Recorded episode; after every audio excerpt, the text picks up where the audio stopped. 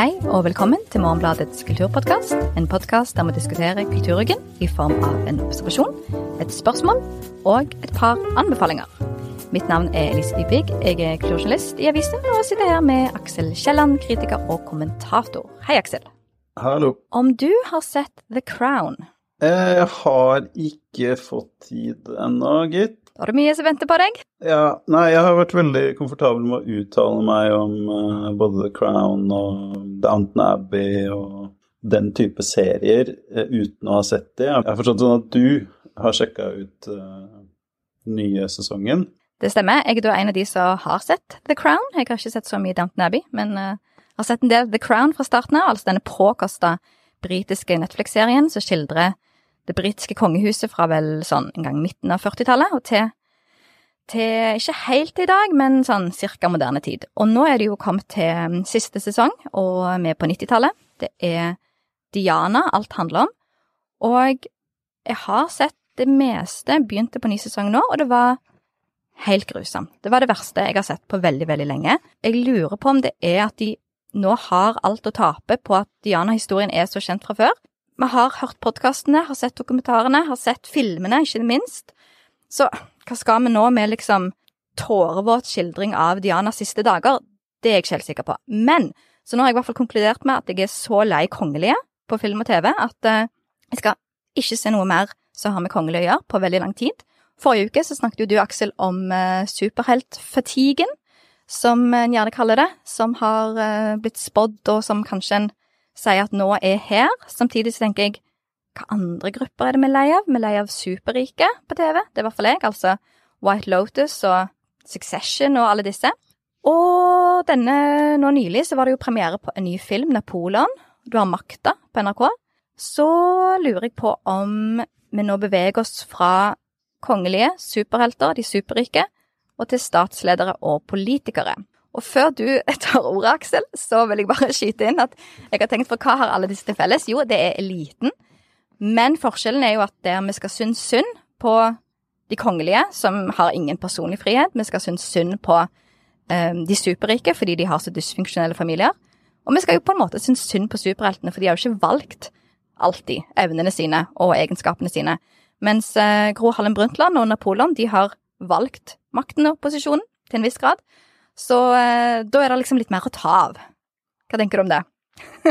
det kan være noe der. Det, det, det, krever jo en større kompleksitet, da. Altså at du får ikke de der eh, enkle fortellingene. Eh, hvis, ikke man, hvis ikke de som lager de, insisterer på å presse de inn i en sånn mal. Det er alltid spørsmålet hvor mange filmer, hvor mange serier er en bølge? Eh, og hvor mange filmer, hvor mange dårlige filmer, hvor mange dårlige serier er en, eh, er en metthet? Så vi får se. Jeg tror i hvert fall ikke, hvert fall ikke de superrike kommer man ikke til slutt til å lage filmer og serier om med det første. Så da fra de som har all makt og får all taletid i samfunnet, til en person portrettert på skjermen som har fått veldig lite av eh, begge deler hele sitt liv, nemlig denne karakteren, personen, som eh, blir beskrevet som bamsegutt i Tore Strømøy sin veldig mye omdiskuterte dokumentarserie, Ingen elsker bamsegutt, som eh, kom på NRK for eh, ja, rundt to uker siden. Og eh, via denne skal vi nå da inn på spørsmålet hva skal egentlig en programleder være? Før vi går i gang der, så må vi ha litt bakgrunn. Denne dokumentarserien det ble da publisert på NRK og handler om en mann i 60-årene. Han kommer fra Sandnes. Han blir ofte kalt bamsegutt. Han bor med kone og tenåringssønn på Filippinene. Livshistorien hans er særdeles tragisk. Han har blant annet fått erstatning fra staten for tapt barndom. Og så har han da prøvd eh, alle de offentlige etatene han kan komme på, deriblant eh, kongen, etter jeg forstått, etter om hjelp til å komme tilbake til Norge. Så tar da Tore Strømøy til slutt tak i denne saken og lager den dokumentaren 'Ingen elsker bamsegutt', som da uh, har fått veldig, veldig, veldig, veldig mye kritikk de siste ukene. For det tok vel bare egentlig et par dager før Kristina Pletten i Aftenposten kom ut med en, kom en kommentar med veldig tydelig beskjed om at serien burde ikke være sendt, i hennes uh, mening. Og da var det jo allerede blitt samla inn et stort beløp eh, via Spleis for å hjelpe mannen og familien hans hjem til Norge. Og så gikk det vel bare et par dager igjen før det kom fram at mannen hadde en overgrepsdom. NRK avpubliserer så serien. Serien er klaga inn til Pressens faglige utvalg, PFU, og på søndag så kunne jo VG nå meddele at Bamsegutt og familien hadde landa i Norge. Hvor skal han begynne her, Aksel? Hvor har du lyst til å begynne? Altså, jeg har jo lyst til å ha et litt sånn uh, Litt større perspektiv på det, saken, da, men vi må jo på en måte innom det, det presseetiske. Uh, hele, hele, problemet her starter med at uh, Tore Strømøy har villet lage en serie som tar for seg på en måte det umenneskelige sånn skjemaveldet eh, som det offentlige Altså som det sosiale sikkerhetsnettet i Norge har blitt. Altså det, sånn, det kan være en mur av uh, manglende forståelse for veldig mange.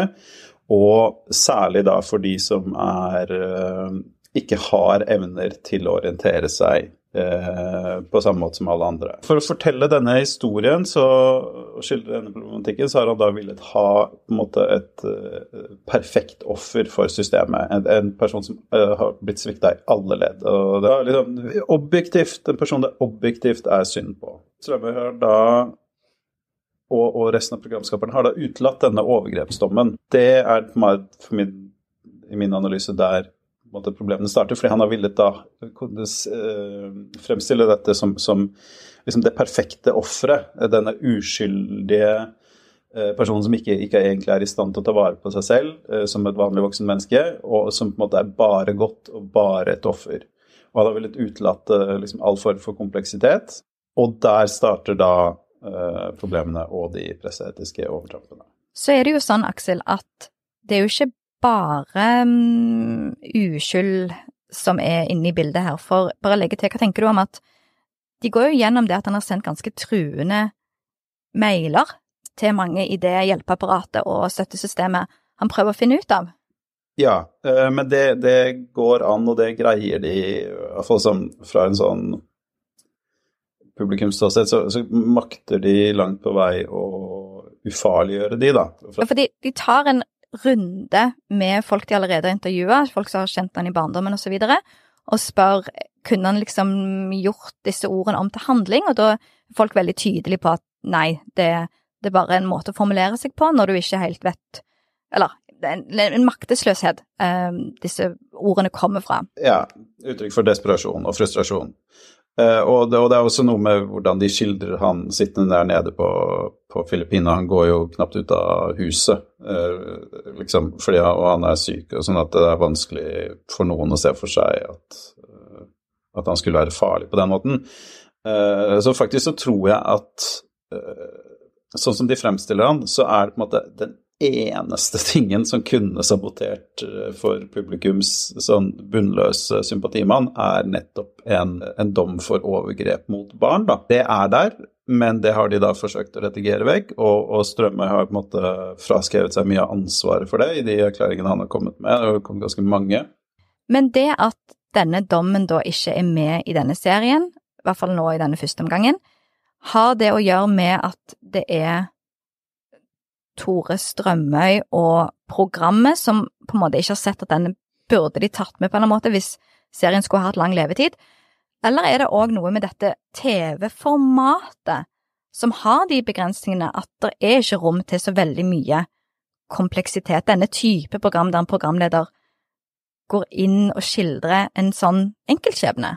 Det er jo mye som tyder på det, da, at jeg ser vanskelig for meg at det hadde passa inn i resten av bildet her. Eh, og det skal sies at altså Nå er det lenge siden jeg har sett noe Tore Strømøy-produksjoner. Jeg husker jeg så Tore på sporet som liten og sånn. Jeg har ikke noe klart bilde av det annet enn han som type. Eh, og det, det er jo kanskje også betegnende, da, at han står jo utrolig sentralt i sin egen journalistiske metode. Han er en, han er en sånn dokumentarist av den um, Louis Theroux, Michael Moore-skolen, uh, som, som, står og føler mye foran kamera, og har liksom blikket hans på den andre blir liksom veldig sentralt hele veien. Og her ser vi liksom i, i fjerde siste episode av denne serien, så er det både liksom bokstavelig talt føling i fjæra, når uh, Strømøy er litt vemodig og går rundt i, i havgapet.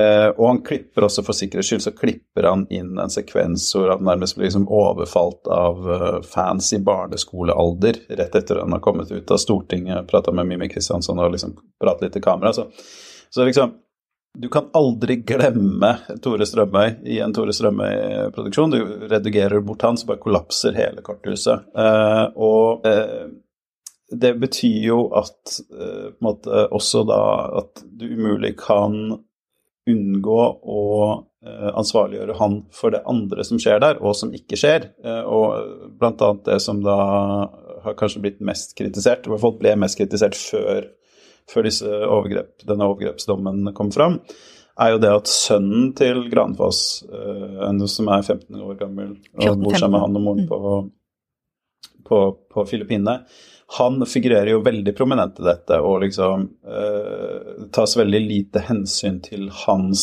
rett til å ikke bli innlemma i eh, en, denne dramaturgien og denne fortellingen. Nettopp. Og så er det jo noe dette med aktivistanklagen som har kommet mot Tore Strømøy i denne serien, at han bikker over og blir for handlende. Og på et tidspunkt, så dette har jo vært omtalt mange steder, så, så, er det jo en samtale mellom han og etikkredaktøren i NRK, der Tore Strømøy spør hvorfor kanskje jeg oppretter en spleis for denne mannen, og får beskjed om at nei, det ville ikke helt passet seg, for det blir litt for mye rolleblanding. Eh, sånn at det er jo på en måte noe serien er, er til en viss grad bevisst på, selv om de gjør det likevel. Du kan også si at de kanskje har forsøkt å liksom, gjøre seg unna med det etiske, altså, etiske problemet på den måten, da. Altså den presseetiske problematikken. Da, da, da, tenker kanskje serien at da har den parkert den. Nettopp. Eh, for da er det advokaten hans som oppretter en spleis, og så får ikke den noe særlig Den tiltrekker seg ikke så mange givere.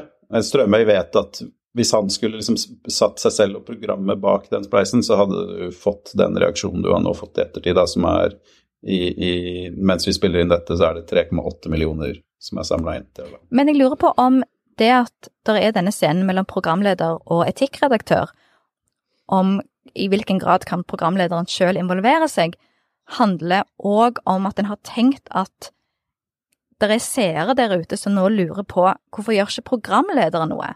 Og igjen, for det er noe litt av premisset i de samtalene, den dialogen som har vært mellom Tore Strømøy og andre medieaktører, der liksom, Hvilket språk er det du snakker? Og så har det blitt skapt en slags motsetning, i hvert fall i Tore Strømøy sine øyne, mellom presseetikk som noe litt eh, De litt sånn eh, eliten driver på med. Ja. Eh, Mens han, hans fortellerstil krever en annen type at vi legger det litt til side, og da tenker jeg at det gir mening at vi tenker på de seerne som lurer på hvorfor programlederen er så bonde på hendene, da. Det er et interessant fenomen, det der. Og det er også noe med folkefinansiering som fenomen, som, som springer ut av en eh, Om ikke journalistikk, så en retorikk og en eh, aktivist eh, rolle som, som, vokser ut av denne type program. Liksom der, det har jo alltid vært liksom, Tore Strømøy alltid vært den derre eh, vært latterliggjort for, for liksom sveisen sin og, og beltet høyt på, på, livet og liksom sånn derre eh, person som Uh, står tydelig i kontrast til liksom de der uh, ekle Oslo-journalistene i etablissementet. Og det er da på tross av at han i jeg vet ikke hvor mange tiår har hatt tilgang til landets suverent største medieplattform, og, og i beste sendetid, da beste sendetid var, et, var en viktig faktor. Så, så, det er jo noe med rollen han inntar, da. Altså Det er helt greit det er helt greit å ha den der plattformen liksom komme og si å, jeg er ikke som alle andre. Det er jo veldig mye liksom medie, medieprodukter uh, som, som, hviler på tanken at det ikke er som alt annet, når det i de aller fleste tilfeller er som alt annet. Men det er den derre hva han kan komme unna med, da, det har jo blitt problemstillingen nå. hva, hva han må forholde seg til han òg, liksom, på tross av hvordan han liker å, å fremstille seg eh, selv. Ikke, hva var, hva, hva var, din, eh, hva var din eh, analyse av Strømøys metode? over Trump? Det er jo noe her med at han ikke er den At, at hans måte å fortelle historier på er jo igjen eh, ikke unik med tanke på at det finnes program der ute som Helene sjekker inn. Nå har jeg òg siste uken sett eh, Stacey Dooley overnatte, hun er en britisk programleder som eksempel i denne serien drar hjem og overnatter hos familier eller personer som er litt eh, annerledes enn alle andre, i hvert fall innsalget. Sånn at, og innafor på NRK, for eksempel, så der du er avhengig av en person foran kamera som er et slags bindeledd mellom seeren og de du skal møte, som om tematikken og personen i serien ikke klarer seg foran kamera uten denne figuren som leder deg inn og orienterer deg, og kanskje i veldig stor grad da skal spille ut de tankene og følelsene som seeren kanskje sitter på. At um, jeg har Eller som de vil at, vil at seerne skal ha. Ja, ikke minst. For eksempel eh, ta Stacey Dooley, da, hun britiske programlederen. Hun skal da Hun er i taxi i begynnelsen av en episode der hun skal hjem til en familie der moren er hjemmeværende og eh, har hjemmeskole for barnet, mens faren er den som jobber. Moren kaller seg selv en slags tradwife, som er da en trend, uh, ifølge Stacey Dooley, der hun på veien inn i taxien sier jeg har alltid tenkt på meg selv som en feminist. Jeg å, skulle være økonomisk avhengig av en mann høres veldig rart ut. Her er det, her er det noe vi må inn i. Jeg, jeg er nysgjerrig på hvordan hun endte opp med dette valget i livet, for eksempel. Og det er jo veldig mye av det samme som går igjen. Det er en slags En sier rett ut at en er nysgjerrig, og så er gjerne målet å forstå, Ja, uten at en ofte konkluderer med noe annet enn ja, sånn, sånn lever de. Sånn har de det. Ja, altså det, er, det, er, det uttalte målet er å forstå, mens det reelle målet ofte er å på en måte hale noe, noe innhold, noe, noe severdig ut av mennesker som eh, kanskje ikke ville åpnet seg opp da, uten den karismatiske personen på, på skjermen. Og det er jo Altså, det er ikke min favoritttype eh, journalistikk å se på, men det er jo også vanskelig å hevde nå at eh, det er en tradisjon som ikke har en plass i, i historien og, og mediebildet. Altså, så også der handler det jo om altså, godt og dårlig arbeid. Jeg vil jo si at problemene med, med Bamsegutt skyldes at den er dårlig arbeid på en del sentrale punkter som handler om hva man lar være å si for å gi publikum et så uh, svart-hvitt bilde som mulig. Sant. Og der Du var inne på det i starten, Aksel, at jeg syns jo at der er det en mulighet som glipper, for er det noe fascinerende Eller det er mye fascinerende, egentlig, den Bamsegutt-dokumentaren, men én ting er jo nettopp det at hvis du blir motarbeida hele livet, og alt jobber imot deg, så hva det òg gjør med Det er jo på en måte nesten bare i barnefortellingene du da sitter igjen som en slags Little Orphan Annie og bare er en solskinnsperson uten like. Sånn at det å skildre at ja, men det er vanskelig å være veldig appellerende som person når du har så mye å stå i. Da har en ikke overskudd til å som sånn, De kunne liksom ha fått fram liksom at, at folk som trenger veldig hjelp, de er ikke sånn som vi vil de skal være i eventyrhistoriene. At, at der er det noe som en, en prøver å gå inn på, eller kunne gått inn på, og, og ville og kanskje gitt gitt noe veldig interessant, men fordi at en er så En tror ikke at seeren ville tålt det. Eller nå skal det jo òg sies at advokaten til, til Granfoss har jo visstnok vilt at denne dommen skulle med fra starten av, nettopp for at det skulle vært noe så også seeren hadde på bordet. Og, og ifølge Strømme Granfoss selv også Uh, Ja. har vel tatt dette fram. Men kan jeg bare ta opp dette med liksom aktivist og journalist, fordi at veldig, en stor del av journalistrollen handler jo om at du har noen ting som du er interessert i, du vil belyse, og, og i, en, i Vær varsom-plakatene handler jo om at du skal tale liksom i stor grad i svake sak, og vise hvordan systemet undertrykker og eh, skildre maktmisbruk. Og da, da Og hvis du har, du har I USA så har du for eksempel Michael Moore videre, som Det er jo veldig mange som lener seg på den blanding journalist-aktivist, mm. og det, det er stilen. Når jeg så den der etter hvert ganske sånn uh, universelle fordømmelsen av Strømøy i, i media forrige uke, så fikk jeg en sånn følelse av at dette er noe vi har sett før, og da som Nei, altså dette er noe vi ser jevnlig når påvirkere går over streken. En eller annen, enten om det handler om noe man kan kalle presseetikk, ofte så handler det om markedsføring. Og jeg fikk inntrykk av at uh, dette er en type overtramp som da journaliststanden syns er veldig bekvemt å gå kollektivt ut mot, uh, det, det, er en veldig takknemlig ting å diskutere. da, For det er én person eller én redaksjon som har gjort én tydelig definert feil, eller en seriefeil, i ett program.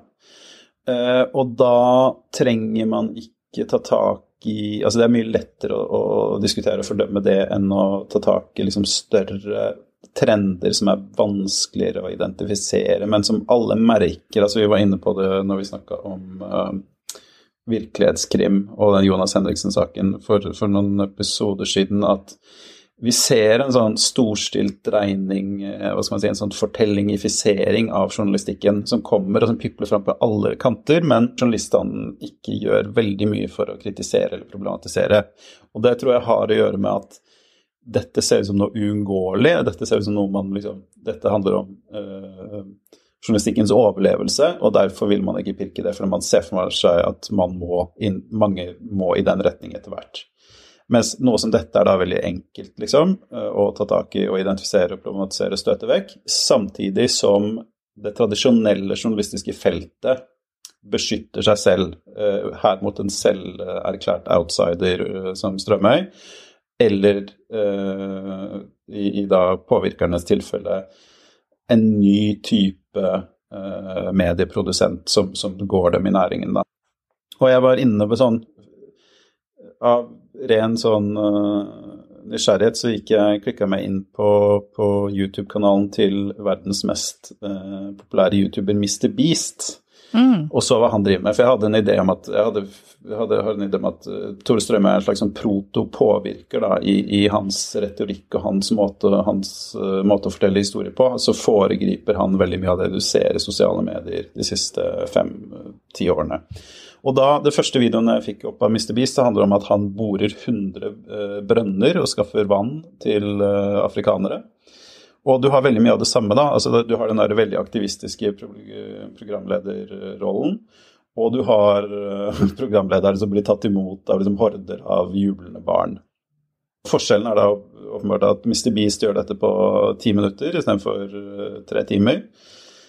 Og at Eh, det ikke kalles journalistikk. Det bare hopper bukk over det på den måten. Og det, det, um, det, er innhold, eh, og det er på en måte det er fritatt fra alle sånne eh, pressefaglige plakater og sånn, da. Delvis selvfølgelig for å være i USA, fordi det er i USA. Men er, jeg har en sånn idé om at når, når, pressen går ut mot dette, så, så er det delvis en sånn bevisst eller ubevisst forsøk på å beskytte seg selv mot det som kommer, da. Eh, ved å, ved å lage regler, eh, liksom sementere og, og, befeste regler og, og kjøre regler på visse fronter. Det er spennende. Samtidig så er det jo noe med at her er en jo veldig tydelig på at vi må gå hardt ut mot dette, fordi at det handler om tillit til mediene, og med en gang den tilliten forsvinner, så er vi kjørt. Så her må vi liksom rushe ut og, og, og fordømme det som er når vi syns at noe er dårlig håndverk, da, fordi at implikasjonene er så mye større. Men kan jeg bare kjapt skyte noe der, fordi at noe som taler for den programlederen som er til stede og, og lurer på hvordan de lever her, at det er jo en måte å få folk til å se på ting de ikke ville sett på, men der, sånn som igjen at programlederen blir den merkevaren som gjør at du ja, ok, men uh, i dag drar de der, da, da følger jeg med. Eller den saken hadde jeg aldri tenkt å sette meg inn i, hadde det ikke vært for at det er uh, ja, Stacey Dooley, siden jeg har nevnt tidligere, som, uh, som, drar nå til, til, dette lille samfunnet. Ja, og som sagt, altså det, det, er en type journalistikk eller uh, historiefortelling, eller hva du skal kalle det, som åpenbart har en plass og en funksjon, men det har Det går på hvorvidt det gjøres bra eller dårlig, da. Og altså, du har helt rett, altså, det, er ikke, det er jo ikke det at det skorter på grunner til å kritisere dette. Altså, det er det er, det er, fryktelig mye å ta tak i, og vi rekker ikke å gå igjennom alt her. Men det er også andre krefter i sving her, da. Når, når akkurat dette blir løfta fram som liksom det soleklart mest problematiske som har skjedd i, i Norge, i norske medier i, i 2023. Eh, for at du har jo dette, altså det du sa eh, om liksom, hvorfor gjør ikke programleder noe? Det er jo, det, det, perspektivet blir jo ekstra sånn tragikomisk når du tenker på at NRK er staten, som da bruker da et antall millioner på, på å kritisere staten og produsere dette medieproduktet som, som da trekkes tilbake, eh, hvor de kritiserer statens eh, eh, svik overfor denne ene stakkarslige nordmannen, når alt kunne, ordna, kunne, kunne blitt ordna ved å bare gi en brøkdel av det det kosta å lage programmet, og få han hjem. Mm. Eh, og selvfølgelig ikke, NRK skal ikke liksom begynne å ordne opp der um, Begynne å finansiere ting der Nav svikter, men det gir en ekstra dimensjon til uh, til begrunnelsen for hvorfor alle pengene uh, sirkulerer i de banene de gjør, da, og hvorfor historien må fortelles i de vendingene den gjør. Mm. Min, den konklusjonen som jeg sitter igjen med etter å ha sett dokumentaren og fulgt med eh, på debatten de siste ukene, er jo igjen at det som er så litt tragisk, da, med, med hvordan den dokumentarserien er lagt opp, er, jeg tror nøkkelen er litt at trykket på enkeltindividet er for stort. Og jeg begynte å tenke på, i Storbritannia så hadde du denne Windrush-skandalen for et par år siden. Så jeg begynte i The Guardian, der de skrev om enkeltmennesker som var blitt fratatt alle rettigheter og nå skulle sendes ut av landet, som kom til Storbritannia når de var barn. Og Altså fra Karibien, Vest-Indien på 70, 60 Ja, når det var Ja, stemmer. Og det som var liksom det, det som jeg satt igjen med etter å ha, ha fulgt med på de sakene, var at liksom The Guardian insisterte på at dette var noe mer enn tragiske enkeltskjebner. Dette var et system som svikta og liksom jobbet på flere nivåer, samtidig som enkelthistorien til disse kom fram.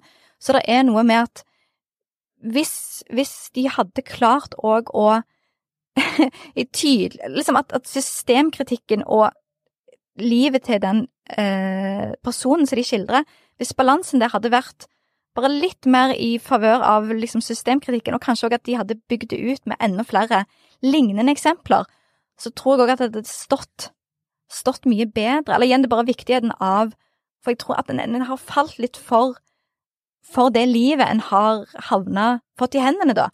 Og, og at det så Tore Strømøy òg har på en måte gått seg litt vill i, kan en få inntrykk av, og det gjør jo serien et poeng ut av at nå nå eh, Den maktesløsheten som han har følt på i den prosessen med å, å skildre serien, er òg noe som blir òg en svakhet til, til, serien. Ja. Og det må understreke at den opprinnelige tanken er veldig god. Å, å, å kritisere, problematisere og skildre hele dette apparatet som på papiret er der for å hjelpe eh, enkeltmennesker, men som eh, ved bare små liksom, feil kan, eh, kan på en måte bare liksom vende innbyggerne, borgerne, totalt ryggen og liksom bare sørge for et liv i, i nød eller armod og frustrasjon. Den, det forsettet om å gjøre det er veldig, er veldig godt. Altså det er veldig lett å heie på det, og veldig bra at noen gjør det, og veldig, veldig fint at Strømøy går så langt som han gjør, og viser hvor vanskelig det er å få de ansvarlige i tale. Men så er det måten han gjør det resten, da, som du sier, altså balansen mellom fokuset på denne enkelte skjebnen og det store bildet. Det er der det kommer til kort, da. Der tror jeg vi går over til anbefalinger. Jeg skal anbefale lytterne å gjøre noe jeg ikke har anledning til selv, eh, nemlig å gå og se filmene som vises i uh, Cinemateket i Oslos Aki Kaurismäki retrospektiv, som ved siden av gamle favoritter som uh, Mann uten minne og Ariel, uh, inkluderer hans nye film Høstgule blader, som er veldig fin. Det er da Cinemateket i Oslo som viser Aki Kaurismäki-filmer nå og ja, i hvert fall en uke fremover i tid. Kult. Jeg har ikke noe på uken, men jeg kan jo nevne likevel at på strømmetjenesten Mubi det ligger der en veldig søt fransk film som heter Everybody Loves Jeanne. Eller den har sikkert en fransk tittel som jeg ikke klarer å uttale. Det er da debutfilmen til en uh, regissør som heter Céline Devaux. Det sier jeg også sikkert helt feil. Den kom i fjor. Handler om en uh, kvinne som uh, mislykkes veldig på jobb, um, plutselig har en veldig stor økonomisk krise hengende over seg, som gjør at hun må dra til sin eh, avdøde mors leilighet i Portugal og for å selge og kvitte seg med den. Det er lenge siden jeg har sett en veldig søt film, og den faller absolutt inn i den kategorien. Det er en romantisk komedie som verken er særlig romantisk eller særlig morsom, men, men han er søt. Men det er kanskje ikke en sjangerbeskrivelse de kan eh, leve med, så da, da blir det romantisk komedie. Da gjenstår det bare å si tusen takk til produsent Kristine Aas, og nevne at eh, ansvarlig redaktør er Sunn Heidi Sæbø. Vi snakkes neste uke.